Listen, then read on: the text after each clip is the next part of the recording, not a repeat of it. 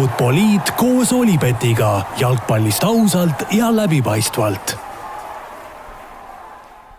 no nii, tervitused taas kord äh, Futboliidi kuulajatele, järjekordne jalgpallinädal on äh, meil selja taha jäänud ja teemasid on täna mõnusalt äh, palju, Eesti koondisel ootavad ees mängud Ukraina ja Hollandiga ja koosseis on välja tulnud ja seal on nii mõndagi, millest, millest rääkida, nii et alustame täna sellest. Ja saate teises pooles mõistagi muljetame siis meistrite liigast ja, ja lõpus ka Premier League'i nurgake meil täiesti äh, noh, kajastamist leiab, minu nimi on endiselt Raul Õessar ja stuudios minuga koos Joel Hindremitte. tere, Raul! nii et alustame siis kohe Eesti koondisest, aga laseme enne korra kõlli ka. kas teadsid, et Olipet pakub parimat mitmikpanuste diili Eestis? Ühesõnaga, nagu mainitud, Eesti koondisel kaks mängu ees ootamas, järjekordne koondiste paus meil peagi ees seisab, täpselt nädala pärast, ehk siis neljateistkümnendal novembril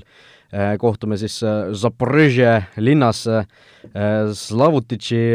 staadionil, sellisel, sellises kohas siis Ukrainaga sõprusmängus või maavõistluskohtumises, see on üks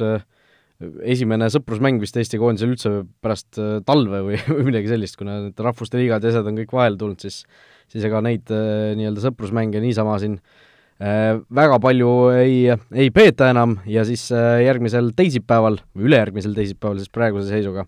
läheme vastamisi MM-valikmängus, EM-valikmängus äh, Hollandiga võõrsil, nii et äh, kaks väga tugevat mängu ootavad meil ees äh,, Eesti koondise peatreeneri kohusetäitja Karel Voolaid äh, andis siis teada ka, millised äh, mängijad meil seekord, kakskümmend kolm äh, mängijat siis, kes kuuluvad sinna koosseisu ja ja ütleme nii, et päris huvitav koosseis on, eelkõige siis on kõneainet pakkunud see, et kaitseliinis ei ole Florast Märten Kuuske, ei ole Henrik Pürge, Pürgi, aga on äh, Enar Jääger, äh, peatselt kolmekümne viie aastaseks saav mees, Flora eest siis täna vist, tänavu vist kolm liigamängu kaasa teinud, hooaja lõpus siin taas äh, terveks sai ja ja mängima hakkas, no Joel, oli sinu jaoks üllatus ka? no kõigepealt jätsid sa ühe väga kõva mehe Ragnar Klavani mainimata. no see, see, see nagu ei ole enam üllatus, ma, ütlen ausalt, aga, aga see on hea tähelepanek sinu poolt, et keskkaitses nagu üks, üks vend on veel tõesti, kes siin kes siin kaasa ei tee, aga no las Ragnar jääda, tema, tema mittetulemine praeguses seisus minu jaoks on täiesti okei okay. aga jah, kui sa siin äh, provotseerivalt viskad selle küsimuse õhku, eks äh, saab seda kahelt poolt äh, vaadata noh, minul võib-olla veidikene keeruline heas mõttes seda kommenteerida, aga, aga mida ma öelda võin, on, on see, et noh, Märteni, Märten Kuuse puudumise üle veidikene kahju on, eelkõige just selle üle, et äh, noh, see hooaeg, kui me siin eelmine podcast ka rääkisime, kui hea hooaja on ta teinud, et, et äh, noh, ta on selles koondise rallis kaasa saanud see aasta lüüa, mis on ka kindlasti kasulik. Ja, ja jah, lihtsalt ei ole neid mänge nii palju saanud, et, et võib-olla oleks saanud mingi, mingigi võimaluse nendes kahes mängus. Aga, aga siin tuleb ka mõelda selle peale, mis mängud need on, et need ei ole siin Kurunurru Vuti saartega, vaid need on väga-väga kõvade jalgpalliriikidega ja, ja kui me mõtleme ka, et Ukraina võib-olla on nõksa, nõksa lahjem võistkond, siis äh, see jutt tuleb kohe ära unustada, Ukraina on praegu ikka väga-väga hirmkõvast, kõvat hoogu näitamas ja ja oma, oma alagrupis seal ju oli ka Portugali ees, nii et, et tõesti väga, väga selline, ütleme, kuum võistkond nad praegu on ja, ja Holland samamoodi, et kaks ikka väga-väga tugevat mängu ees ootamas ja ja noh, seal on vaja, et sul oleks sellist ähm, osavust, kogemust, kavalust ja, ja, ja just seda osavust, kogemust, kala, kavalust võib-olla Enar Jäägeri puhul on, et kes äh, võib-olla mõtlevad äh, selle pilguga, et, et, äh, et võib-olla pass, passis on mehel natukene vale aastanumber, siis äh, noh, nähes Enarit juba noh, pool aastat treenimas ja mängimas, siis noh, selle mehe, ütleme, mängu lugemine, see kogemus, see positsioonivalik, kuidas ta neid olukordi loeb, hindab, duellidesse läheb, et see on, see on midagi, ütleme, noh, erilist ja ikka väga kõvat. Et ja need mängud ka, mis ta meil siin hooaja lõpus mänginud on, on ta tegelikult väga-väga hästi just ka palliga mänginud ja, ja samamoodi kaitsefaasis, et ei ole seda, et mees enam ei liiguks või kontakti ei jõuaks, et samamoodi väga, väga agressiivne ja, ja jõuline, et noh, treeningutel näen ka, kuidas äh, äh, Erik Sorga, kes see hooaeg on kõmmutanud küll ja küll, siis kui Sorga peab mängima Jäägeri vastu, siis äh, on üsna-üsna suurtes raskustes. et äh,, et ma usun, et Jäägeril on kindlasti, kindlasti siin midagi pakkuda ja noh, selle mehe klass on, on, on väga kõva tegelikult. No minu kulm ikka kerkis päris kõrgele, ma ütlen ausalt, kui ma, kui ma seda valikut nägin, et just noh, kuusk väljas, jääger sees, et et no midagi pole teha, et see hooaeg on pikk olnud, kuusk on näidanud ennast heast küljest sel hooajal ja, ja noh, see oli ikkagi päris paras üllatus, et Jääger nii vähese mängupraktika pealt sisse sai, aga no ma usun sind, kui sa ütled, et ta on tõesti tegelikult ka trennis hea ja ja, ja mängudes ka noh, hästi mänginud, eks ju aga noh, jällegi ma nagu ei tea, noh selles suhtes, et meil on ees kaks mängu, üks neist on sõprusmäng, teine on eh, valikmäng, mis ei, mis ei loe mitte midagi tegelikult kokkuvõttes, me, meie jaoks enam ei ole vahet, kas me kas me kaotame selle mängu, võidame selle mängu, te-, mängime selle viiki tulemuse mõttes, et meil ei ole midagi selles valiktsüklis enam erilist püüda. Eh, noh, okei okay,, peale mingisuguste edetabeli punktide ja midagi sellise, aga aga noh, ma lihtsalt arvan, et äh, et sellistes mängudes, äh, eriti olukorras praegu, kus meil ei ole neid sõprusmänge palju, äh, kus noh, nendesamade Kurrunuruvõti saartega, äh, kus saaks katsetada selliseid nooremaid mängijaid, kes võiksid tulevikus olla, olla kõvemad tegijad koondises, siis siis noh, iga selline võimalus tuleb ära kasutada ja, ja noh, ma lihtsalt ei, ei saa aru, miks, miks peaks kutsuma koondisse äh, kolmekümne, noh, sisuliselt kolmekümne viie aastase mängija, kui sul on võimalik äh, koondisse kutsuda kahekümne kolme aastane mängija, kui see vahe ei ole, ei ole ilmatu suur, noh, äh, taseme mõttes. aga noh, jällegi no tahaks nagu midagi öelda, aga aga nagu ei, ei tule nagu keele peale ka neid õigeid sõnu vahepeal, et noh, siin Sokenet.ee peatoimetaja Kaspar Elissaar siin tõi ka argumendid välja, et jaa, et tegu on A-koondisega ja ja meil peavadki kõik kõige tugevamad kogu aeg rivis olema ja ja nagu noh, ma ei saaks sellega nagu rohkem mitte nõustuda mingis mõttes, et et äh, ma saan aru, kui me räägiks sellest, et me läheme praegu mängima EM-valikturniiri või või mingisugust äh, Rahvuste Liiga finaalturniiri või mingit äh, see, sellist asja, et kus meil ongi noh, üheks, üheks, kaheks, kolmeks, neljaks mänguks on vaja kõike kõige paremaid, meil on, see ongi see koht, kus tulemust teha, aga praegu ei ole see koht ju, praegu ei ole see koht, kus me peaksime hirmsasti ma ei tea, veri näost väljas või, võitlema seal null-null viigi välja kuskil Ukrainas, see ei ole see koht lihtsalt, et ma arvan, et siin, see on rohkem selline koht, kus peakski noorematele võimalust andma ja, ja noh, kui nüüd tulevadki mingisugused sõprusmängud äh, igasuguste Uus-Kaledooniate ja asjadega, siis äh, see ei ole ka ju päris see, noh, et äh, sul on ikkagi Euroopa taset vaja tunda, kui sa oled noh, kui sa oled näiteks Märten Kuusk, eks ju. no ma olen sinuga mingit pidi nõus, aga no samas, äh, kui me mõtleme Eesti keskkaitsjate peale, meil eks ju jäävad välja siis hetkel Kuusk, Klaavan ja lisaks ka Madis Vihman, et et see, et meil on nii kõva, ütleme, konkurents, kus, kus ütleme, kuus-seitse mängijat on praktiliselt noh, ütleme, ühes samas niisuguses tugevuskategoorias. see nagu noh, näitab, et tegelikult on, on suures pildis seal asjad, asjad hästi ja nüüd ongi treeneritel ja treenerite staffil siis lihtsalt vaja teha need otsused, keda võtta, kes on paremas vormis, kes on rohkem mängida saanud, et äh, noh, me oleme näinud erinevates tsüklites on neid erinevaid mängijaid olnud, ka põhis mänginud, et äh, et see ei ole, ma arvan, nagu nii lihtne seda neid kahtekümmet kolme meest, meest seal kohe niimoodi välja valida, et äh, et noh, noh, sa tõid oma pointid välja, ma ka omalt poolt lisasin, et äh, ma nagu ei näe sellest nii suurt probleemi ja, ja, ja no ma usun, et kui Jääger peaks nendes mängudes mängima, siis ta mängib kindlasti oma, oma koha välja, aga, aga eks jah, ole näha, võib-olla Kuusel tekivad need võimalused või, või kellelgi muul keskkaitsel tekivad need võimalused uuel aastal nojah, et äh, minu jaoks äh, see otsus oli väike pettumus, äh, noh, mingis mõttes võib-olla saab aru, et Karl Vooledil ka potentsiaalselt ju viimane koondise valik, me ei tea, kas tema lepingut pikendatakse, noh praeguse, praeguse seisuga nagu ei ole erilist põhjust mitte seda pikendada, aga noh, eks tema ka võib-olla mingil määral mõtleb selle peale, et kuigi ta ise eitas seda muidugi, aga et noh, et kui, kui ma võtan siin täiesti noortega, lähen peale, saan mingisuguse null kuue kuskilt, siis võib-olla noh, mõeldaksegi, et kuule, et mis me, mis me temaga pikendame, et näe, näete ju, mis saab, et et võib-olla läheb nagu natukene kindla peale välja, aga samas noh, ma ikkagi arvan, et sellistes mängudes äh, tuleks, tuleks kasutada noh, neid mänge tuleks kasutada selleks, et seda koondise ringi laiendada, kes ja proovida, proovida seda, kas, kas tõesti Kuusk saab hakkama, et nagu Voolaid ise ka ütles, et ta teab Jäägeri taset. Ja noh, Jääger kuskil valikmängus peale panna ilmselt äh, väga paljudel ei oleks, fännidel ei oleks see selline koht, et noh, nüüd, et hoiame hinge kinni ärevusega, et kuidas ta hakkama saab, aga aga Kuuse puhul noh, keda me ei ole sellises olukorras koondises näinud, teda, teda oleks nagu hea näha just noh, eriti Ukraina vastu aga noh, see, see selleks, et äh, siin noh, on juba nalja ka visatud, et äh, kui Jääger on koondises, et siis võiks ju noh, väravahtide osakonnas võiks siin äh, mis, mis Igonen või mis Meerits, et meil on Pavel Londak siin äh,, kõva mees on ju, Kaljus hea hooaja teinud ja ja siin on äh, ääre peal, kes on, on, äh, Tarmo Kink on veel äh, tegevmängija, Tarmo Neemel on siin veel viimaseid päevi tegevmängija ja, ja Grei tasemel siin Aleksandr Dmitrijev, varsti lakkumismäng tal niikuinii veel tulemas, on ju, ja ja kõik, kõik sellised asjad, aga noh, see selleks, eks eks see asi ei ole selline, nagu ta on, loodame, et Jääger saab kenasti hakkama ja, ja tõesti, nagu sa ütlesid, see konkurents keskkaitses on, on meil ju koondises väga korralik. aga noh, mis veel teistest mängijatest rääkida, noh, Klaavanist põgusalt juba mainisime, minu jaoks ei ole see üllatus, et ta ei tule, aga noh, samal ajal on hea näha, et tal Kaljaris läheb hästi, Kaljaril ka läheb hästi, on seal Itaalias tabeli ikkagi selgelt ülemises otsas, võtavad siin võite selliste meeskondade üle, kes siin Manchester City'ga äh, Äh, pool nädalat hiljem äh, kõvasti madistavad.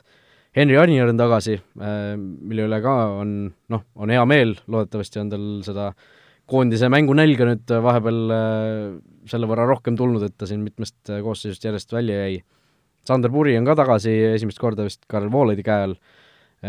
ka täiesti okei okay valik, ma arvan, ta väärib seda, tegi ju Kaljus tegi päris tugeva hooaja lõpu olen sinuga, ma arvan, mõlema poole pealt nõus, et äh, kui vaadata esimesena Anieri nime, siis äh, mida Voolaid ka intervjuudes välja tõi, et äh, noh, valik igas selles tsüklis on olnud kolme, kolme või nelja ründaja vahel, siis Sorga, Sapinen, Anier, natukene ka käis seal Atspurje nime, nimi läbi, aga, aga need, need ründajad on oma võimaluse saanud, Anier on jäänud välja äh, noh, nüüd anda see võimalus, noh, me oleme rääkinud ju tema, tema kvaliteet, tema kogemused äh, koondise tasemel on olemas korralikult, äh, kolmteist väravat ka kirjas äh, sinisärkide eest, et, et selles suhtes noh, keegi selles ei kahtle ja ma usun, et Anieri tõestamisnälg, soov koondise eest pusida, mängida on suur ja ja jälle, et see, see näitab, et kui meil on seda konkurentsi, ja, ja neid mehi, kes, kes võitlevad nende põhikoosseisu kohtade eest, äh, üldse koosseisu pääsemise eest, et äh, noh, selles mõttes, selles mõttes on see nagu hea probleem ja, ja noh, treenerid peavadki neid valikuid tegema, et panevad ka neid mängijaid äh, koduklubides pingutama ja ja noh, mitte noh, loomulikult nad teevad seda nagunii, aga võib-olla isegi ekstra rohkem, et, et pääseda sellesse pilti. ja Puri poole pealt ka, selles suhtes ka kogenud mängija koondise kontekstis äh, ja, ja olen sinuga nõus, et just see hooaja lõpp ka tegelikult väga, väga silmnähtav, väga resultatiivne, et,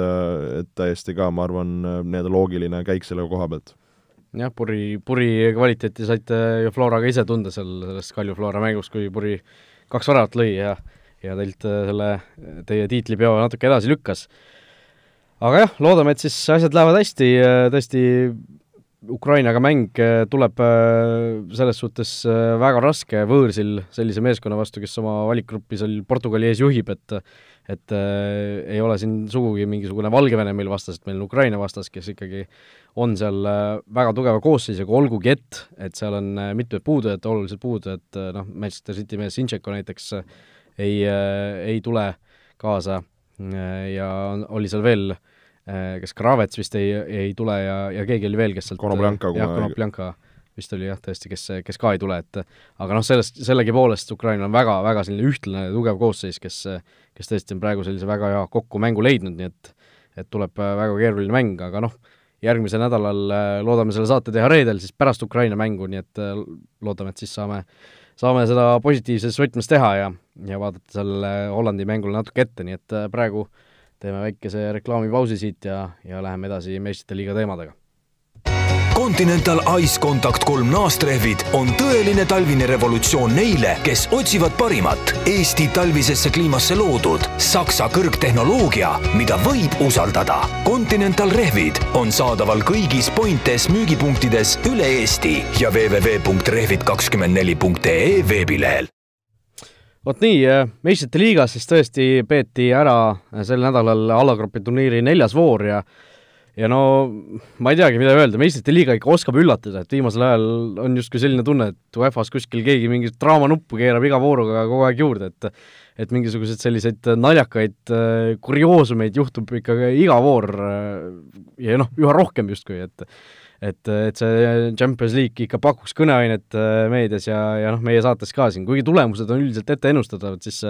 mängude käik sageli on ikka päris, päris äge, et et võtame siin äh, natukene need äh, mängud ette, teisipäeval noh, kohe algas tegelikult ju see mänguõhtu väikese üllatusega, Barcelona ei suutnud kodus Praha Slaavist jagu saada, aga noh, me oleme siin saades ka rääkinud, ma olen kogu aeg korrutanud, et see Slaavia on äge meeskond ja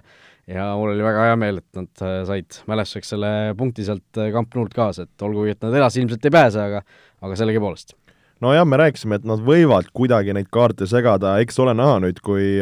Barcelonal on äh, kaks tugevat mängu nii Dortmundi kui Interiga mängida, et äh, mis sealt saab, et äh, kui, kui peaks minema nende poolt vaadatuna natukene kehvasti, siis võib see edasipääsu peale,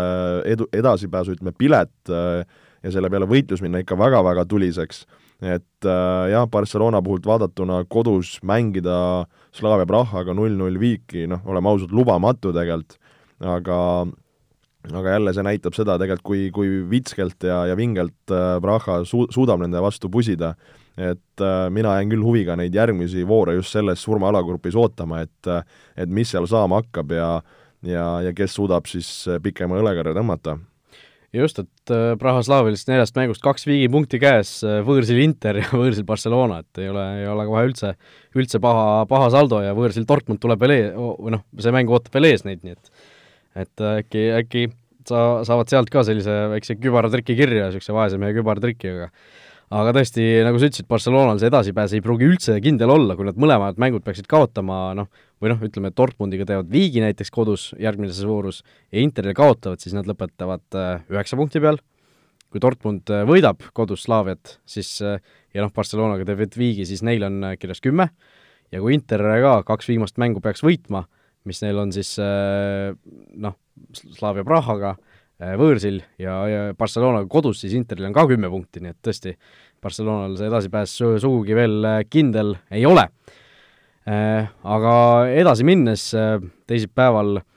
Chelsea ajaks neli-neli, võtame selle mängu võib-olla kõigepealt, no ikkagi noh, meistrite liiga oma kõige paremas võtmes, niisugune vägev vaatamine, kõva andmine äh,, eelmine mäng, noh, lootsime meie ka siin, et hakatakse hullult väravaid lööma, et kaks niisugust võistkonda, kes võiksid väravaid lüüa, tuli ainult üks-null. aga seekord noh, see tehti kuhjaga tasa, et et no vägev. No hull mäng, selles suhtes ise küll jälgisin rohkem Dortmundi Interi mängu, aga panin omal seal live score'ist äh, notification'id peale, et kui väravaid hakkab tulema. Ja, ja kohe mängu alguses seal telefon oli juba, juba punane ja, ja mõtlesin, mis, mis toimub. Ja pärast seda, kui seal selleks teisel poole lõpus suuremaks action'iks ja madinaks läks, siis viskasin telefonis selle, selle teise mängu endale kõrvale ka ja noh, no ikka nii ulmelist mängu väga, väga ei mäletagi, kuidas ühele ja teisele poole see mäng käis, noh, kui mõelda nüüd nagu Chelsea kontekstis, et mängiti seal ligi noh, ütleme kakskümmend minutit ümaralt äh, praktiliselt, eks ju, ülekaalus ja, ja kahemehelises ülekaalus, siis äh, noh, seal oli see viis-neli värav, äh, tuli korraks ära, aga hiljem ju siis Varr seal äh, Tammy Abrahami käes tundus, äh, võeti see, see tagasi, et, et nii-öelda Chelsea poolt vaadatuna, et oleks nagu oodanud, et nad saavad just selle viimaste minutitega niisuguse no ikka massiivse surve peale ja siis murravad maha. aga, aga ei suudetud seda võib-olla kõige paremini just käima saada, et just enne seda nii-öelda viis-neli väravat oli see tuhh väga hea ja kui see värav ära löödi, siis tegelikult ütleme, niisuguseid väga äh, Äh, suuri momente ei tekkinud, okei okay,, seal Pachuhai paar korda sai päris hästi löögile, kus, kus võiks, võiks ära lüüa, aga sellist suurepärast turmtuld ei olnud ja tegelikult ei olnud ka kaugel, kus ajaks seal paari korral kontraga oleks võinud vastu naelata. et noh, täiesti, täiesti ulmeline mäng ühele ja teisele poole ja ja noh, tuleb ajaksid kiita, kui sa võtad kaks meest vähemuses võõrsil Chelsea vastu sellest olukorrast viigi välja, on, on ikkagist ütlemata kõva sõna. nojah, Ajaxi äh, nahast selles suhtes tahaks olla, et mis tunne neil nagu pärast mängu tegelikult oli, et nad olid neli-üks ees, on ju, äh, selles suhtes andsid kolmeväravalise eduseisu ära võõrsil, aga samas nad said selle viiepunkti ikkagi kaks meest vähem kätte, et noh, see kaks meest vähem, see juhtus ka ju tegelikult väga äh, sellises noh, ägedas olukorras tegelikult, et et ühe ja sama rünnaku jooksul kaks meest teenisid endale teise kollase kaardi, ühtäkki ühe olukorraga oli siis ajaks kümne või üheksakesi ja Chelsea'le veel penalti ka sellest olukorrast, et see noh, ma, nagu ma ütlesin, jalgpallidraama oma kõige paremas mõttes, et tõesti sellist noh, positiivses mõttes, mitte, mitte siis mängijate poolt näitemängu, aga noh, kogu see asi oli üks suur paras niisugune näidend, et, et vägev, vägevad vaatused seal olid ja ja tõesti, Chelsea ajaks neli-neli ja teeb selle alagrupi seisu ka tegelikult väga põnevaks, sellepärast et Valencia samal ajal suutis ju äh, Lilli kodus kindlalt neli-üks võita, mis tähendabki siis seda, et nelja vooru järel ajaks Chelsea Valencia kõik seitsme punkti peal äh,, Lill siis ainult üks punkt, ühe punkti saanud ja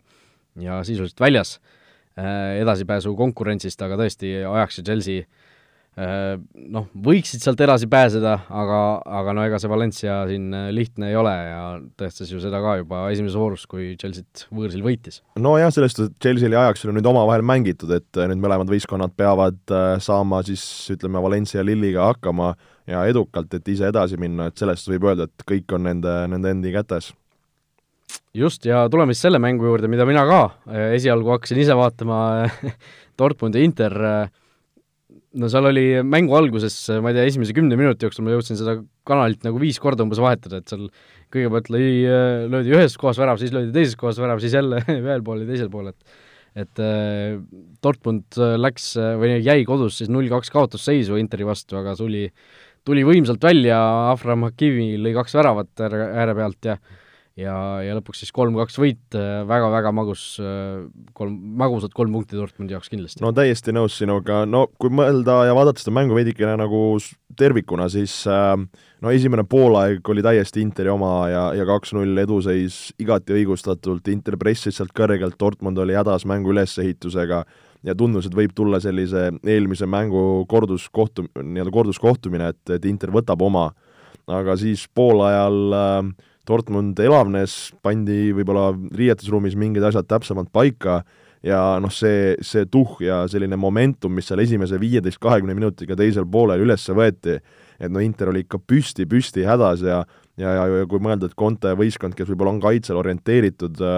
noh, ei, ei suutnud seda, seda, neid kuskilt kinni keerata ja kui ikka äärekaitse Hakimi, no kes on tegelikult ju tegemas äh, ka juba eelmisel hooajal ja sellel hooajal niisugust ikka väga korralikku, ütleme, järgmist sammu või, või head arengut, paneb seal kaks tükki ära, et see noh, see sellest ikkagi näitab, kui, kui mitmekülgseks ja, ja, ja ägedaks on siis nii-öelda tänapäeval jalgpall läinud ja, ja ka just selle äärekaitsjate koha pealt. et, et jah, see teine poolaeg oli täielikult nagu Dortmundi oma ja, ja see võit kätte saadi, et selles suhtes noh, Interi poolt vaadatuna noh, kui me räägime siin surmagrupist, iga punkt on nii oluline, et sa annad kaks nulli ära, kolm-kaks saad tuppa, et siis äh, noh, ikka väga-väga valus ja, ja hiljem, kui me just rääkisime ka siin, kuidas siin üks, kaks, kolm punkti võivad hakata mõjutama seda, kas sa saad edasi või mitte, siis kindlasti on need mehed väga-väga löödud, et äh, siit enamat ei suudetud. just nii, et äh, tõesti, alagrupi seis siis veel üle korratud, Barcelona kaheksa, Dortmund seitse, Inter neli ja Slavia kaks, et et Interil on, on noh, kindlasti on vaja see mäng äh, Slaviaga nüüd ära võita ja siis, ja siis on tõesti kõik, kõik lahtine, ükskõik mis sealt Barcelona ja Dortmundi mängust äh, saada võib. Äh, veel üks äh, asi, mida võib-olla tasub sealt teisipäevast mainida, see E-grupp Napoli-Salzburgi mäng lõppes üks-üks viigiga, Salzburg sai oma viigipunkti kätte, aga aga noh, sealt ikkagi seda varianti ilmselt enam ei ole, et nad edasi pääseksid. no tundub küll, et see juba läheb niisuguse väikse, väikse ime, ime suunas peaks liikuma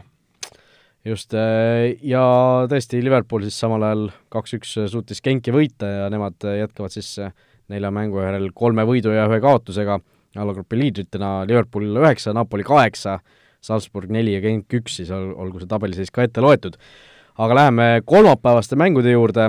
ja kolmapäeval ka seda draamat jagus, jagus kuhjaga äh,, alustuseks äh, Juventus väga hilise väravaga suutis Moskva Lokomotiivi võita kaks-üks, Äh, no kas see esimene värav Ronaldo karistlöögist äh, oli Ronaldo värav või oli Rams'i värav? no tundus, et seal sentimeetrite kaupa oli, oli Rams'i värav, äh, noh, tuleb ka Rams'ist aru saada, kui sa näed, et see pall on seal joone peal, siis noh, paratamatult sa ju ei hakka mõtlema, oota, Ronaldo nüüd lõi, ma igaks juhuks ei lähe seda puutuma. et sa lähed, lööd selle palli võrku, ükskõik, kas ta on sees või, või veel joone peal aga just nägin täna kuskil oli ka uudisenupp, et kus ta oli juba Ronaldolt äh, andeks palunud, et äh, kui ma arvan, seda andestust poleks teinud, siis oleks Ronaldo seal äh, kiirelt kõne võtnud Juventuse bossidele ja öelnud, et las see Ramsey pakib kotid kokku ja läheb tagasi kuskile Inglismaale või, või mis iganes. et noh, see oli oodata, et seal Moskvas võib minna, minna Juventusel keeruliseks, noh lõpuks see üheksakümmend ja peale minutitel see värav kätte saadi, no ma pigem äh, just vaataks seda natukene sinna Sarri poole, et Sarri ka tõi välja, et see, see mäng ei ole neil äh, veel nii hea, kui, kui ta tahaks või arvaks, et et no väikest, ütleme, niisugust ähm, pessimismi Juventuse suunas võib praegu vaadata, aga no ei, ei maksa siin kohe nüüd pärast ütleme, kahte kuud või natukene peale, mis mängitud on, kedagi risti lööma hakata nagu mõelda Juve peale, kes võiks olla selline noh, inglise keelde powerhouse ja ja kes võiks mängida meistrite liiga võidu peale, siis noh, need esitused praeguses alagrupi faasis, faasis just kõige veenvamad olnud ei ole, oleme ausad. nojah, aga sellest hoolimata on siis edasipääs juba kindlustatud, äh, selles grupis tõesti Lokomotiiv ja Leverkusen seal üksteiselt on punkte ära võtnud ja ja, ja tõesti praeguse seisuga ei tundu, et, et äh, nad suudaksid ka Atletico edasipääsu äh, väärata, kes küll kaotas selles äh, voorus siis võõrsil Leverkuseni Bayerile üks-kaks, aga no Atleticust rääkides, no nende hooaeg ka on tegelikult selline äh, natukene vinduv olnud, et see algus tundus küll, et seal Joao Felixid ja asjad panevad niisuguse peo püsti, aga tegelikult neid väravaid on ikka tulnud väga vähe nii koduliigas kui meistrite liigas. olen sinuga nõus, et äh, et millegipärast see Atletico mängumasin on veidikene tõrkumas, noh kas äh, no ma ei, ei tea, kas saab nii võib-olla paralleele tuua, aga, aga veidikene meenub äh, nagu Atleticu puhul nagu Tottenhami, Tottenhami stsenaarium, et äh, sama treener, kes on pikalt olnud, noh, Simone hästi ju noh, näeme, kui kui jõuline, emotsionaalne on, kuidas see võib-olla, see mängustiil, see on nii emotsionaalselt kui füüsiliselt kurnav, see võistkond väga palju muutunud ei ole, noh, on üks-kaks kolm mängijat võib-olla siin läbi aastate toodud, no nüüd on ka äh, päris ju märgilised lahkujad olnud siin Godini, Juan Frani ja Griezmanniga, et on natukene nagu samm tahapoole tehtud, okei okay,, on Felix toodud, aga, aga niisuguseid väga suuri nimesid sinna kõrval ei ole, et võib-olla sellist nagu värskust või, või, või niisugust superkvaliteeti, millega seda, neid mänge enda kasuks pöörata, et seda natukene nagu napib ja, ja noh, vaatame, kas, kas Atletico suudab siin oma suure südame ja tahtega selle asja ümber pöörata või noh, nad on, ükskõik, kui see play-off faas tuleb, siis uskuge mind, on, eks ju, nad on alati kõigile keerulised vastased. et, et jah, no praegu natukene on niisugune murekoht, aga aga no vaatame, ma ei, ma ei tahaks siin veel neid ka väga ära maha matta veel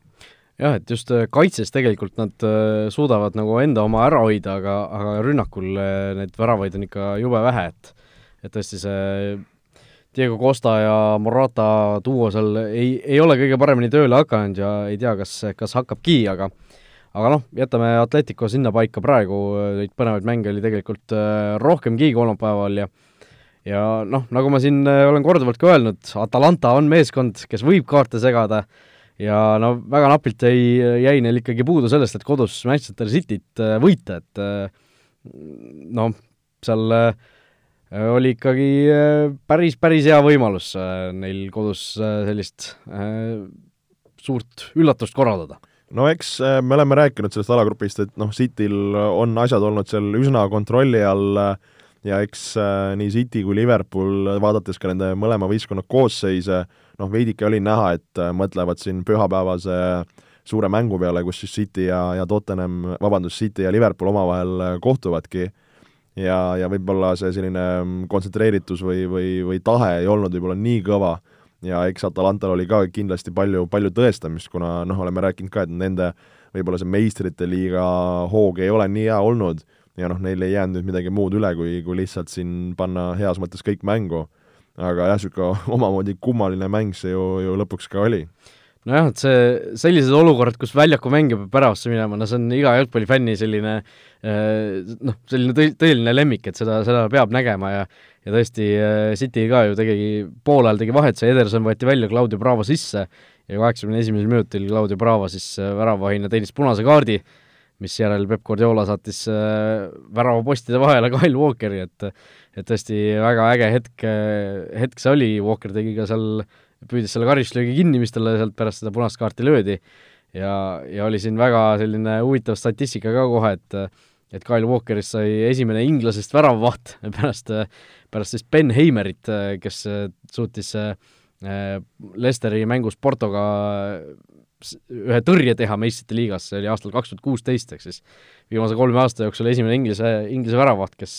kes mõne tõrje on teinud meistrite liigas. No kes seda tõrjet nägi, siis äh, oli päris, päris hädine tõrje, et niisugune rahvaliiga stiilis äh, platsimine kõigepealt enda ette, aga kuna Kyle Walker nii kiire mees on, siis äh, üsna kiirelt selle palli kinni krabas, aga aga päris äh, koomiline vaatepilt see oli ja noh, muidugi neid muid nalju ja, ja statistikaid seal äh, kohe oli, oli kõvasti üleval, et äh, mäletan nagu oma, oma mängija karjäärist ka, kui äh, kui mängisin äh, Viljandi, Viljandis ja äh, vist oli see aeg, kus meil kas oligi varuväravaht, oli, oli mingi hetk kas vigane või, või noh, ei olnud teda, et me käisime ühe väravahiga mängul see hetk. Ja siis äh, ma nagu noh, ei saaks öelda, et nagu lootsin aga salamisi oli peas mõte, et kui nüüd üks mäng meie väravil peaks midagi juhtuma või punase kaardi saama, et äh, siis ma tahaks ilgelt väravasse minna, et äh, et noh, ise ka noorteklassides äh, mingites vanudes mängisin ka vahepeal väravas ja vahest trenni lõppudes või mujal siis noh, nagu on kombeks, vahest visatakse kindad kätte ja lähed neid lööke tõrjuma. Et usun, et olen väravas täitsa, täitsa okei okay,, okei okay, nii-öelda käsi. panid niisuguseid pehmeid tagasisööte, et äkki ründaja lõikab vahelt ära umbes. Päris niimoodi seda saboteerima enda võistkonda ei hakanud, aga aga jah, kogu aeg lootsin, et äkki tekib mul see võimalus minna väravasse ja siis olla suur sangar, aga aga kahjuks või õnneks seda, seda hetke mängijakarjääri jooksul ei, ei tekkinud no FC Floras on teil ka mingisugune asi paika pandud, et kes, kes võiks olla sellises olukorras, ma ei tea, esimene valik väravasse? no selles suhtes just täna hommikusöögi lauas äh, treeneritega omavahel arutasime, et noh, et nagu selle eilse puhul, et mis oli see naljakas olukord ja siis mõtlesime, et noh, et et kui endal peaks olema, et mis siis nagu saaks, et see noh, see peaks olema päris nagu jabur olukord, noh meil tavaliselt on ju noh, mitte tavaliselt, vaid alati ongi kaks väravahti olemas. no noh, seal võib olla ju olukord ka, kus vahetused on tehtud ju, eks ju juba, ja siis, siis tuleb punane. no vot ei teagi, vahest pärast trenni on äh, Konstantin Vassiljevile meeldib sinna väravasse ronida. Et äh, aga noh, see on pigem niisugune nalja eesmärgil, aga, aga tuleb äh, kiita, tegelikult ta päris hästi toob seal vahepeal välja. aga, aga jah, ei, ei teagi, kes, ähm, kes võib-olla niisugune kõige osavam oleks, noh, Kreida on niisugune julge ja võib-olla pealehakkaja, aga aga jah, võib-olla on vaja siin mõndades treeningutes proovida, et kui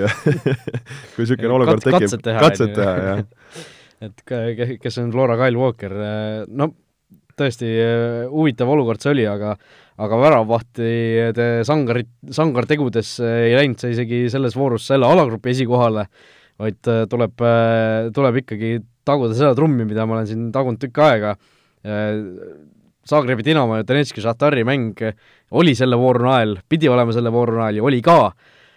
kolm-kolm viik siis lõpuks, aga, aga no mäng oli selline tõesti, et hooja ja keela, kaheksakümne teisel minutil oli seis veel üks-üks, pärast mida siis Zagreb lõi koduvõis-, koduvõistkonnana koduväljakul lõi kaks väravat, kaheksakümne üheksandal minutil läks kolm-üks juhtima ja siis Šahtar uskumatul kombel suutis, suutis tulla siis üheksakümmend pluss kolm ja üheksakümmend pluss kaheksa väravatega tagasi ja viigi jalule seada. Ja see üheksakümmend pluss kaheksa värav tuli penaltist, mille teenis Andri Pjatov ja Andri Pjatov, ütleme siis ära, on Donetski Šahtari väravavaht nojah, seal äh, pärast standardi või noh, nurgalöögi järgses olukorras oli mees kastis ja seal äh, äh, siis Zagrebi kaitsjad üsna isegi ei oska öelda, mida nad tegid, kummaliselt seal lollusi tegid. lollusid, tõukasid, hoidsid, lõid põhimõtteliselt Peatovit ja, ja see penalt fikseeriti, et noh, täiesti nagu noh, nonsense selle koha pealt, et kui mõelda selle mängu peale, no sa tõid välja, et millal need väravad löödi, et kui vaadata nagu Dinamo Zagrebi puhul ja, ja me räägime, et see on teise koha mäng, kes läheb edasi play-off faasi, sa oled kolm-üks ees ja kodus ja sa suudad seal viimaste lisaminutitega ära käkkida ja vastase väravahile penalti nii-öelda tekitada, et äh, noh, see, see noh, see on selles suhtes ikkagist väikene fopaa, et, et noh, eks ole näha, mis, mis neil nüüd edasi saab ja, ja kuidas seal hakkab see äh, nii-öelda äh, alagrupi seis nende jaoks äh, liikuma, praegu noh, väravate vahe on, äh, on äh, no seal on omavaheline mäng läheb kõigepealt arvesse ja ja kuna mõlemad mängud siis omavaheliselt jäid viiki, siis arvestatakse seal võõrsil väravaid ja Donetski Šataril tänu sellele viigile on võõrsil väravate tõttu Zagrebi ees eelis, kui on võrdsed punktid. nii et väga oluline tõesti viigivärav see lõpuks oli ka ja, ja tõesti, seal on seis siis selline alagrupis City kümme, Šahtar viis, Zagreb viis ja Talanta üks, et ja noh, mõlemal on veel At-, Atalantaga mängida ka veel üks kohtumine, et seal läheb ikka päris põnevaks ja ma arvan, et see, ma ütlen, ma olen seda trummi tagunud, et see Dinamo ja Šaltari mõõduvõtt on seal üks huvitavamaid asju selles alagrupis üldse või noh, meistrite liigas praegu. et, et tõesti oli, oli vägev, vägev mängu lõpp ja, ja tundub, et Eesti, Eesti nagu ajakirjandusel või üldse maailmas ka kuidagi jäi see nagu kahe silma vahele, et see oli, see oli seal nii hiline, kõik teised mängud olid justkui nagu lõppenud ja inimesed olid umbes telekad kinni pannud ja magama läinud ja, ja kuidagi ei, ei pannud seda asja tähele, et see oli, oli tõesti noh, see, et väravaht teenib penalti, see peaks olema noh, suur uudis on meistrite liigas selline olukord, aga aga, aga kuidagi jäi nagu kahe silma vahele inimestel, tundub vähemalt mulle, et ei ole sellest väga nagu räägitud. no kui ma arvama peaks, siis võib-olla sinu kahjuks, Raul, ma arvan, Eestis ega, aga ka mujal riikides väljaspool Horvaatiat ja, ja Ukrainat ei ole väga palju Dinamo Zagrebi ja Šahtar Donetski fänne, aga aga õnneks sina oled nende mõlema fänn, et no ma olen austaja jah, ütleme nii. Et, et tõesti, tasub sellel asjal pilku peal hoida, siin, siin see olukord läheb veel põnevaks nagu ma olen siin öelnud ka, Atalanta hakkab veel kaarte segama ja, ja see üks viigipunkt ei olnud seal, ei olnud seal veel selle, selle asja lõppe. aga okei okay. läheme edasi siis äh, teiste mängu, teiste mängudega ka. Äh, oli siis veel mänge tegelikult eile õhtul, Tottenham sai võõrsil karukoopas äh, Belgradis Zvena Zvezda vastu võidu kätte ja kindlustas sisuliselt alagrupist edasipääsu sellega. Bayern samal ajal, või no mitte samal ajal, vaid selles ühes varasemas mängus ilma Äh, peatreener Kovatšita siis, kes vallandati siin nädalavahetusel, äh, alistas äh, Pireuse olümpiaakose kodus kaks-null, lugesin selle mängu kohta natuke, et Bayerni analüüsid, Bayerni sellised fännid analüüsisid, et kaitse on nüüd rohkem nagu korda saadud selle abitreeneri käe all ja ja asi natukene parem vähemalt välja näeb, noh, Bayern peatreener vallandas, ütleme ka seda ära, seda ma pole veel selles saates ju jõudnud arutadagi, et äh, pärast seda, kui siis Frankfurdi Eintrachtilt saadi eelmisel nädalavahetusel kodus üks-viis ketukas ja, ja seetõttu siis Kovacs ise ka pakkus, et võib tagasi astuda pärast seda ja ja nii ka läks. jah, tuleb ka mainida, et äh, seal mängu alguses ka Boateng sai punase kaardi, et äh, mängiti üsna palju vähemuses, et mitte niisama viis-üks pakk. jah äh,, ja veel edasi minnes meistrite liigas äh, Äh, see A-alagrupp, meie kommenteerisime sinuga vaata et kogu vooru kõige igavamat kohtumist, Real Madrid kuus, Galatasaray null, tõesti, see Rodrigo, kaheksateistaastane Brasiilia poiss, lõi esimese seitsme minutiga juba kaks tükki, äh, kuskil oli isegi statistika, et, et kõige kiirem äh, nii-öelda brace on inglise keeles siis, et noh, ka kõige kiiremad kaks väravat mängu alustuseks ühe mängija poolt meistrite liigas üldse ja, ja lõpuks viimastel minutitel sai veel ka kübartrikki vormistatud, aga noh, Realil seal, või noh, Galatasarayl ei tekkinud seal võimalustki. no tõesti, et no Rodrigo nii-öelda täiuslik hätrik parema, vasaku ja peaga sai, sai kirja, no ei olnud Galatasarayl mingit šanssu, et äh, jäin nagu mõtlema ka, no seda on tegelikult ka varem ju, me oleme rääkinud ja jalgpallisõbrad nii-öelda nentinud, et noh, paraku seal meistriliigas teatud klubide vahel on need äh, jõujooned ja käärid ikka, ikka päris suured. Ja noh, eile oli täpselt selline tunne, nagu niisugune meistriliiga võistkond mängib, ma ei tea, kas esiliiga või, või teise liiga pundiga, kus, kus teisel võistkonnal ei ole šanssugi ja, ja üle poole tullakse korra kaks ja siis võetakse ka pall ära. et noh, Real mängis väga hea partii, Galatasaray oli, oli tõesti väga kehva, et äh, noh, selles suhtes veidike jah, nagu nadi värk, ütleme nii nojah, ja see alagrupi seis muutus ka ikka kümme korda igavamaks pärast seda võitu, et BSG siis samal ajal sai Club Brugge üle äh, üks-null võidu mis ei olnud sugugi kindel, äh, belglastel oli seal penalti kasutada teisel poolel, Keylor Navas pidi tegema mitu väga head tõrjet. Ja kuigi seal Angel Di Maria oli olevat, äh, olevat välja näinud nagu Lionel Messi vahepeal oma mängu poolest, siis tegelikult BSG-l väga häid võimalusi väga palju ei tekkinud. Ja tõesti peavad, peavad siis Navast tänama, et sealt see võit kätte saadi, aga BSG selle võiduga siis jätkab endiselt täiseduga, väravate vahe kümme-null, et väga selline äh, Äh, stiilne, stiilne minek seni äh, meistrite liigas nende poolt ja edasipääs on neil siis kindlustatud ka, Real Madrid siis seitse punkti, Brühe kaks ja Galatasaray üks, et et ilmselt on ka Real seal edasipääsu sisuliselt juba ära kindlustanud, kui seal mingisugust väga suurt imet veel, veel ei juhtu äh,. Vot nii, saidki meistrite liiga jutud räägitud. jah, meistrite liiga natukene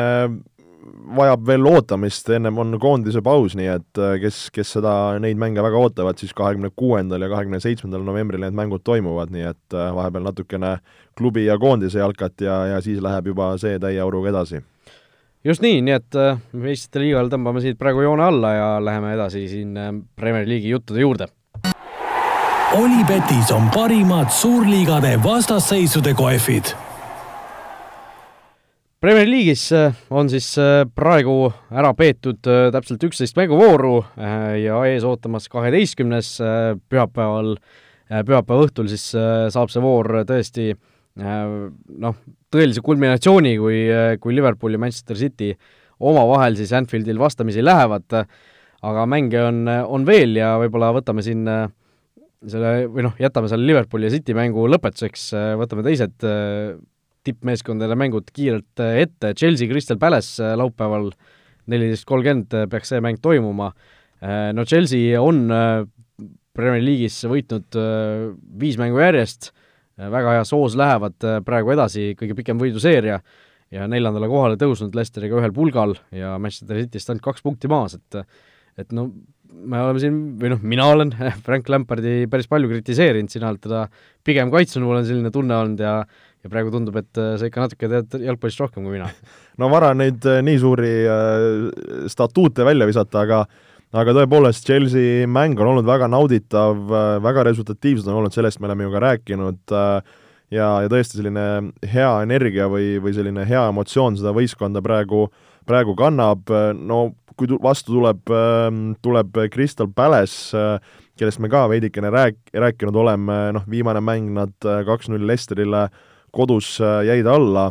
et äh, noh, ma, ma tahaks nagu näha, et, see selline Chelsea hea hoog äh, jätkub, aga noh, see on ka ütleme nagu noore võistkonna puhul selline ohtlik koht, et kui kõik läheb väga hästi, väga hästi, tunned ennast mõnusalt, võib-olla rind läheb linna peal rohkem kummi ja, ja kõnnak läheb vähe vähe nagu niisuguse mõnusa nõksuga sisse, et siis, siis on ohtlik, et tuleb korra selline ata-ata ja ja tuuakse maa peale, et, et see, ma arvan, nüüd Lampardi puhul väga oluline, et kuidas ta suudab seda, seda võistkonda näljasena hoida ja ja samas, nagu sa ütlesid, et kui see tabeliseis on tegelikult niisugune üsna soodne ja magus, siis ma arvan, see on piisav motivaator, et hoida neid mängijaid nii-öelda varvaste peal.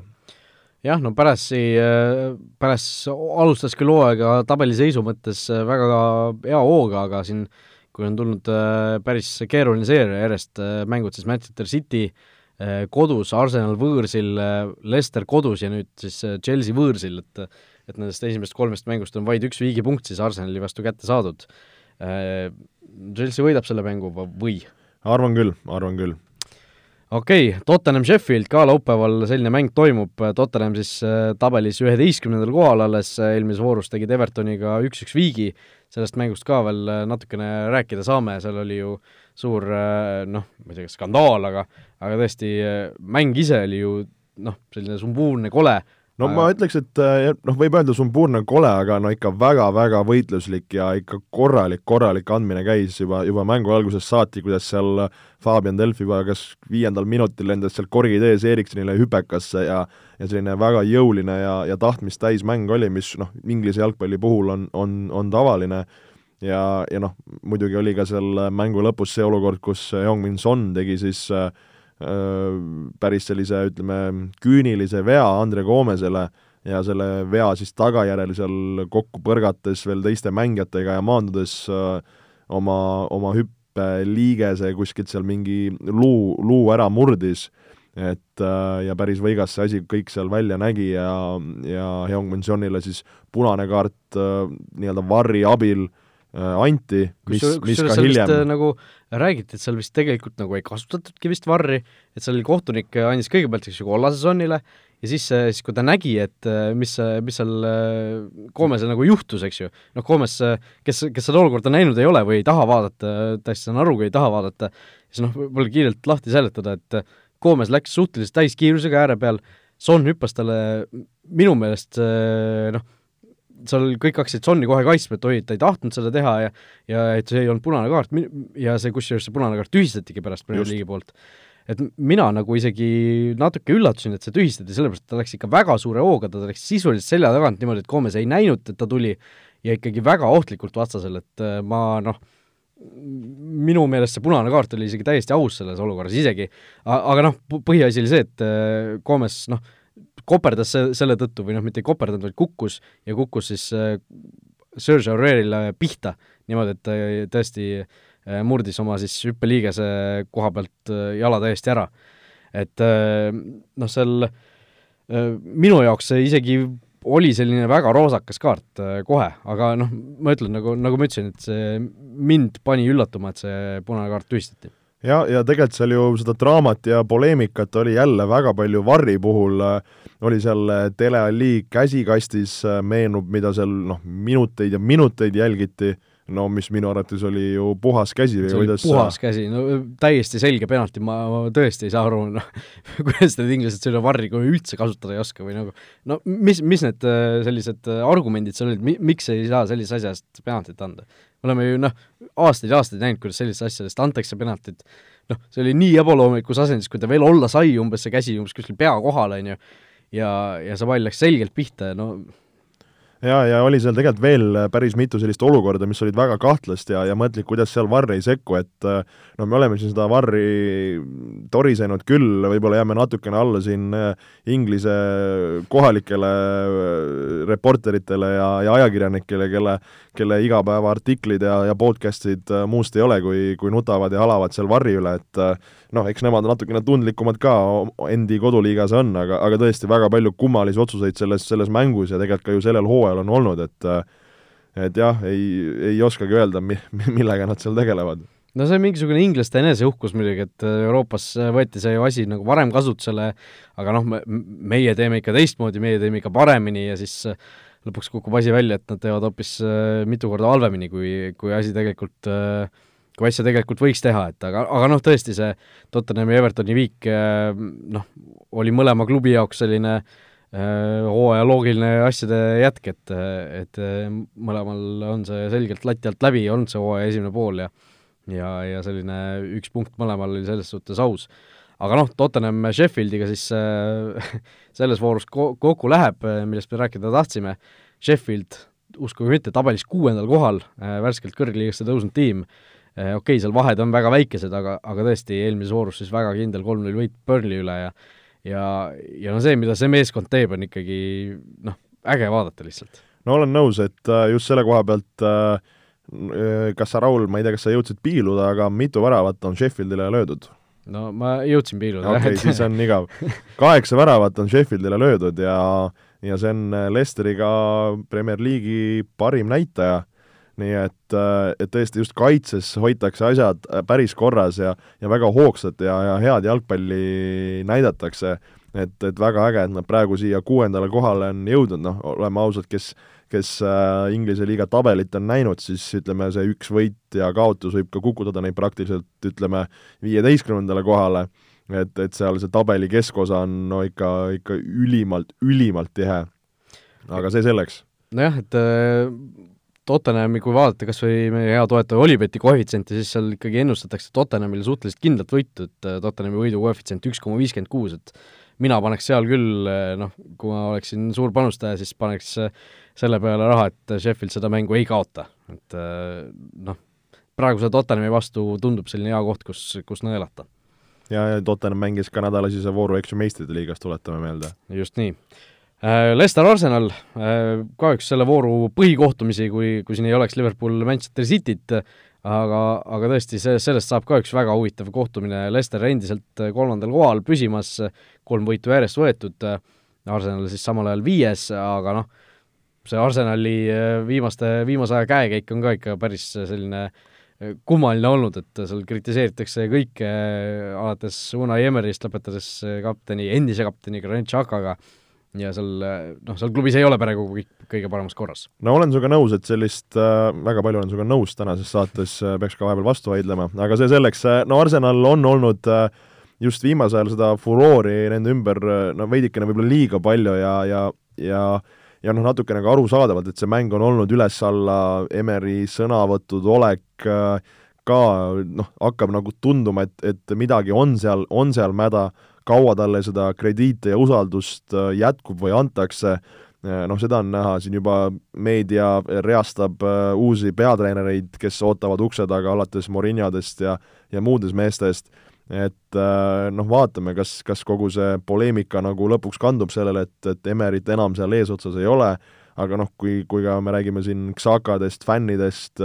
noh, kogu see kompott on praegu üsna negatiivne, et kui sul ikka kogu selline mm, õhkkond või keskkond on ikka päris, päris nukker, siis selle sees niisugust tulemust teha on, on päris keeruline. ja noh, kui mõtleme Lesteri peale, siis põhimõtteliselt täielik vastandnäide selle koha pealt, kuidas kõik on väga positiivne, võidult võidule, mängud veenvad, viimane mäng, nagu ütlesin, Lester Crystal Palace'it kaks-null võit, võitis,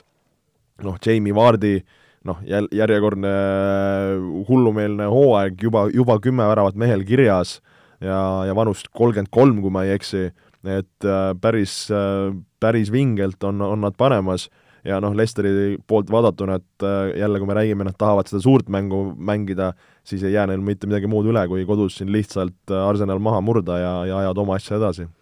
Nojah, aga samas, kui vaadata Lesteri neid senise hooaja tulemusi, siis võidud on kõik võetud ikkagi nende, nende võistkondade üle, kes peaksidki Leicesterist nõrgemad olema, et noh, okei okay,, Premier League'is see ei olegi lihtne ülesanne, me teame, et et kes suudab kõik sellised mängud võita, see võib-olla lõpuks tulebki meistriks, aga aga just nendes suurtes mängudes suurte vastaste vastu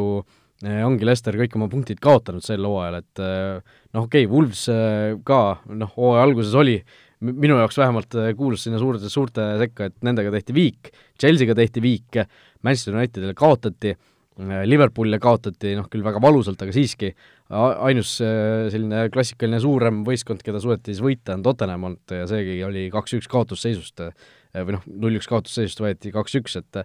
et äh, noh, kui alguses võiks tunduda, et Leicester läheb selle, seda mängu nagu kindlalt võitma, siis ma, ma võib-olla päris nii kindel ei oleks. et see oli niisugune viik on õhus minu jaoks. No selle koha pealt küll, aga, aga noh, jällegi, nagu ma ütlesin, et see Arsenali puhul see kogu asi on pigem, pigem negatiivses trendis, Lesteri puhul positiivses, Lester kodus, noh, ma vaidlen sulle siin vastu ja, ja usun, et Lester võtab selle, selle ära kindla peale. vot nii, Manchester United, Brighton, United siin noh, saime eelmise, eelmises saates natukene rõõmsamalt rääkida, et võõrsil võite siin järjest võetud, aga siis suudeti Bournemouthilt võõrsil tappa saada ja nüüd nüüd siis võetakse kodus vastu endast tabelis kaks kohta kõrgemal olev Brighton, Äh, noh, jah, ma nagu pikemalt ei tahakski Unitedist rääkida, me oleme seda nii palju juba teinud, et et äh, noh, sealt midagi nagu head, head ilmselt oodata ei ole, aga samas Unitedilt, kui, kui sel hooajal midagi head oodata ei ole, siis järsku suudetakse mingisuguseid naljakaid tulemusi vahepeal hakata tegema, et et siin Liverpooliga viik ja ja Norwichi võõrsil võita ja kõik jutud, aga et ma noh, ma ei, ma ei hakkagi midagi selle mängu kohta ütlema. Jah, seal oligi juba asi läks sinu jaoks liiga, liiga positiivseks siin äh, viimases äh, saates ka, aga no oleme ausad, Bournemouthi vastu noh, äh, oli, ei olnud ka nagu mängu ka jällegi, et noh, selles suhtes Bournemouth igati teenitult selle võidu jälle nagu ära võttis, et ja noh, kummaline on öelda, et, et Bournemouth teenitult võidab Manchester Unitedit, aga noh, sellisesse hetke me oleme lihtsalt praegu, praegu tänapäeva maailmas jõudnud jah, Tottenham ja Wools kohe Unitedi selja taga, nii et kõige, kõige halvemini asjad võib-olla tegelikult ei olegi, aga aga okei okay,, äh, pühapäeva õhtul siis tõesti selle vooru nael Liverpool, Manchester City suur,, suur-suur mäng äh, Premier League'is, äh, kaks tabeliliidrit vastamisi lähevad, Liverpoolil seni siis üheteistkümnest mängust kirjas kümme võitu, üks viik, Manchester Cityl kaheksa võitu, üks viik, kaks kaotust, kiire küsimus, kes võidab? Oi-oi-oi, kus sa paned mind kohe nüüd äh, siin turm tule alla ja, ja paned äh, rasket küsimust vastama, aga ma vastan niimoodi, et ma usun, et Liverpool võidab ja, ja ma põhjendan seda läbi erinevate siis spektrite. number üks, Liverpool mängib Anfieldil ja, ja no Anfieldi, Anfieldil me teame, kuidas nad mängivad äh, praktiliselt ilm, ilmeeksimatult äh,. Number kaks Liverpooli praegune hoog on olnud ikkagist müstiliselt, müstiliselt hea. Jah, siin võib mõelda selle peale, et üks hetk see ju, see müstiline hea hoog peab hakkama mingit pidi ka langustrendi näitama, aga praegu mul on tunne, et selline see, see enesekindlus või, või selline, selline võitja mentaliteet, mis võistkonnas äh, valitseb, on, on märkimisväärne, et kui me mõtleme ka viimase mängu peale, mis nad äh, Aston Villa vastu mängisid ja ja olles seal äh, kaotusseisus ja keerata see üks, üks, null-üks kaotusseis viimaste minutitega kaks-üks võiduks, et see on täpselt see mentaliteet ja need on need mängud, kuidas sa, kuidas sa lõpuks tuledki meistriks. et, et ma arvan, et need sellised äh, võidud, äh, nende viimaste minutite võidud, need äh, meistrite liigas mängitud mängud, eelmise aasta tiitel on sellist enesekindlust kasvatanud, lisaks ma arvan, see, ütleme, see iha või, või, või nälg Inglise meistritiitli järel on, on neil kordades-kordades suurem, kui võiks olla seda Cityl, kes on siin aastaid karikaid juba tõstnud. et, et äh, noh, me oleme rääkinud, see võiks olla Liverpooli aasta äh, ja, ja noh, ma tahaks näha, et nad tulevad sinna no ikka no sellise hurraa ja tuhinaga mängima ja, ja suudavad City üle mängida, aga noh, ärme unusta seda, et City ei ole niisama võistkond ja siin seda nagu sellist mõttemängu, mõttemänge, üksteise surumist, peenelt äh, mõnitamist, mis iganes, on olnud küll ja küll, et äh, noh, kui me vaatame praegune vahe nende kahe võistkonna vahel kuus punkti, noh, Liverpooli, Liverpooli jaoks ülioluline see, see vahe teha veelgi suuremaks, kui City peaksid selle mängu ära võtma, siis, siis on see juba natukene sellise ütleme, teise hierarhiaga see, see tiitli, tiitli nii-öelda mäng või, või kuidas sina seda asja näed? No ma mõtlesin ka selle peale, et Liverpool on kodus, äh, vaatasin välja, et teisel, ei, mitte teisel, vaid üheksateistkümnendal veebruaril siis tehti meistrite liigas, Liverpool tegi kodus Bayerniga null-null viigi. Ja pärast seda siis äh, kõik mängud Anfieldil on võidetud, mis on ikka päris muljetavaldav statistika, see on vist umbes viisteist mängu kuskil, midagi sellist. Ähm, okei okay,, seal kõik vastased ei ole päris Manchester City kaliibriga, aga siiski, ja noh, Manchester City sel hooajal on üllatavalt palju äh, olnud selline krobeline, eks ju, et nad on, vahepeal tulevad sellised äh, ootamatud mängud sisse, kus nad äh, mäksivad, möksivad midagi ära, samas see on täpselt niisugune mäng, mille Liverpool kaotaks. Nagu selline klassikaline Liverpool, et et kui kõik hakkab juba hästi minema, siis, siis tuleb selline noh, mäletame eelmine hooaeg ju ka, see suur vahe oli sees ja siis kaotati Manchester Cityle. ja siis hakkas see lumepall sealt Äh, noh, mingisuguse kuu-pooleteise jooksul veerema, lõpus küll mõlemad võistkonnad ainult võitsid jällegi, aga, aga see pani nagu sellele Liverpooli väikesele mõõnaperioodile alguse, et äh, noh, see on täpselt selline koht, kus võiks selline asi juhtuda. aga noh, ma ei tea. no ütleme nii, et eks ju Liverpooli eelmise hooaja näitel nende ainuke kaotus, ainuke kaotus, mis kogu aasta peale saadi, oligi Manchester City vastu võõrsil, kaks-üks kaotati ja eelmine aasta siis äh, Anfieldil mängiti null-null viiki, et noh, null-null viiki ei tahaks kuidagi loota. see oli jah, niisugune mäng, mis kõike oodati, oodati ja siis, siis tuli null-null. et eks, eks ole näha, noh, mõlemad võistkonnad noh, nüüd pühapäevase mängu eel saavad kindlasti aru, kui, kui oluline see mäng igas võtmes on. ja, ja noh, selles suhtes null-nulli ma, ma siit ei tahaks kuidagi üldse näha no jälle see ajaloo rubriik, et viimati Liverpool kaotas Manchester City'le Anfieldil Premier League'i mängu äh, aastal kaks tuhat kolm. jällegi see klassikaline rubriik, et kes lõid väravad, üks-kaks oli seis. kaks tuhat kolm? jah.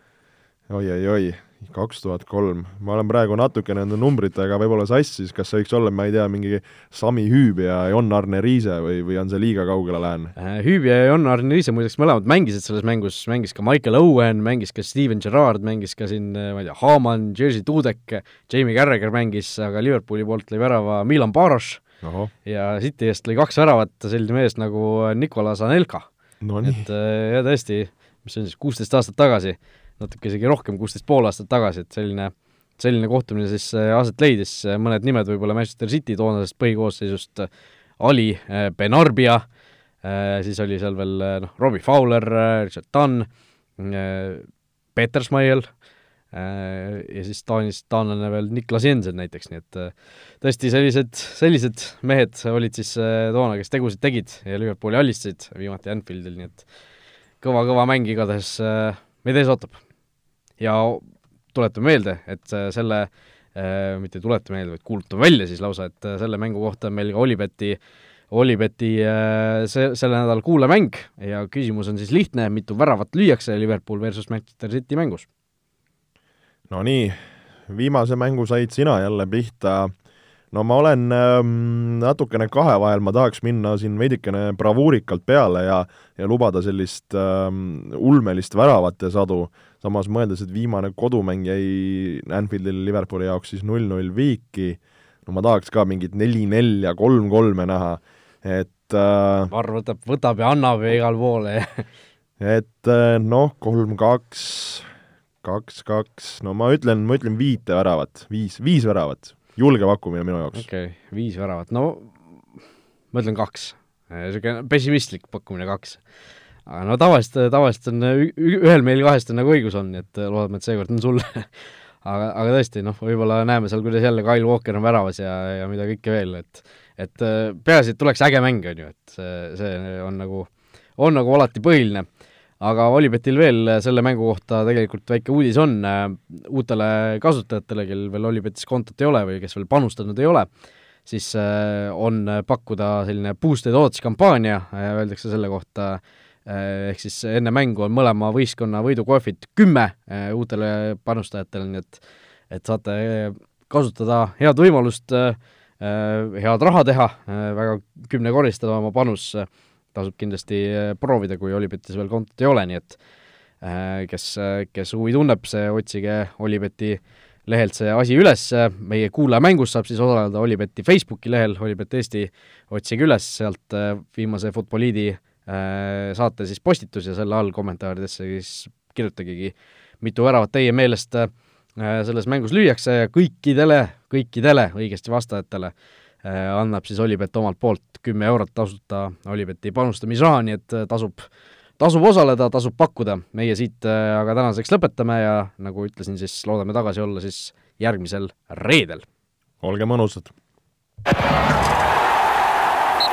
vutiviikendi parimad kohvid leiad Olipetist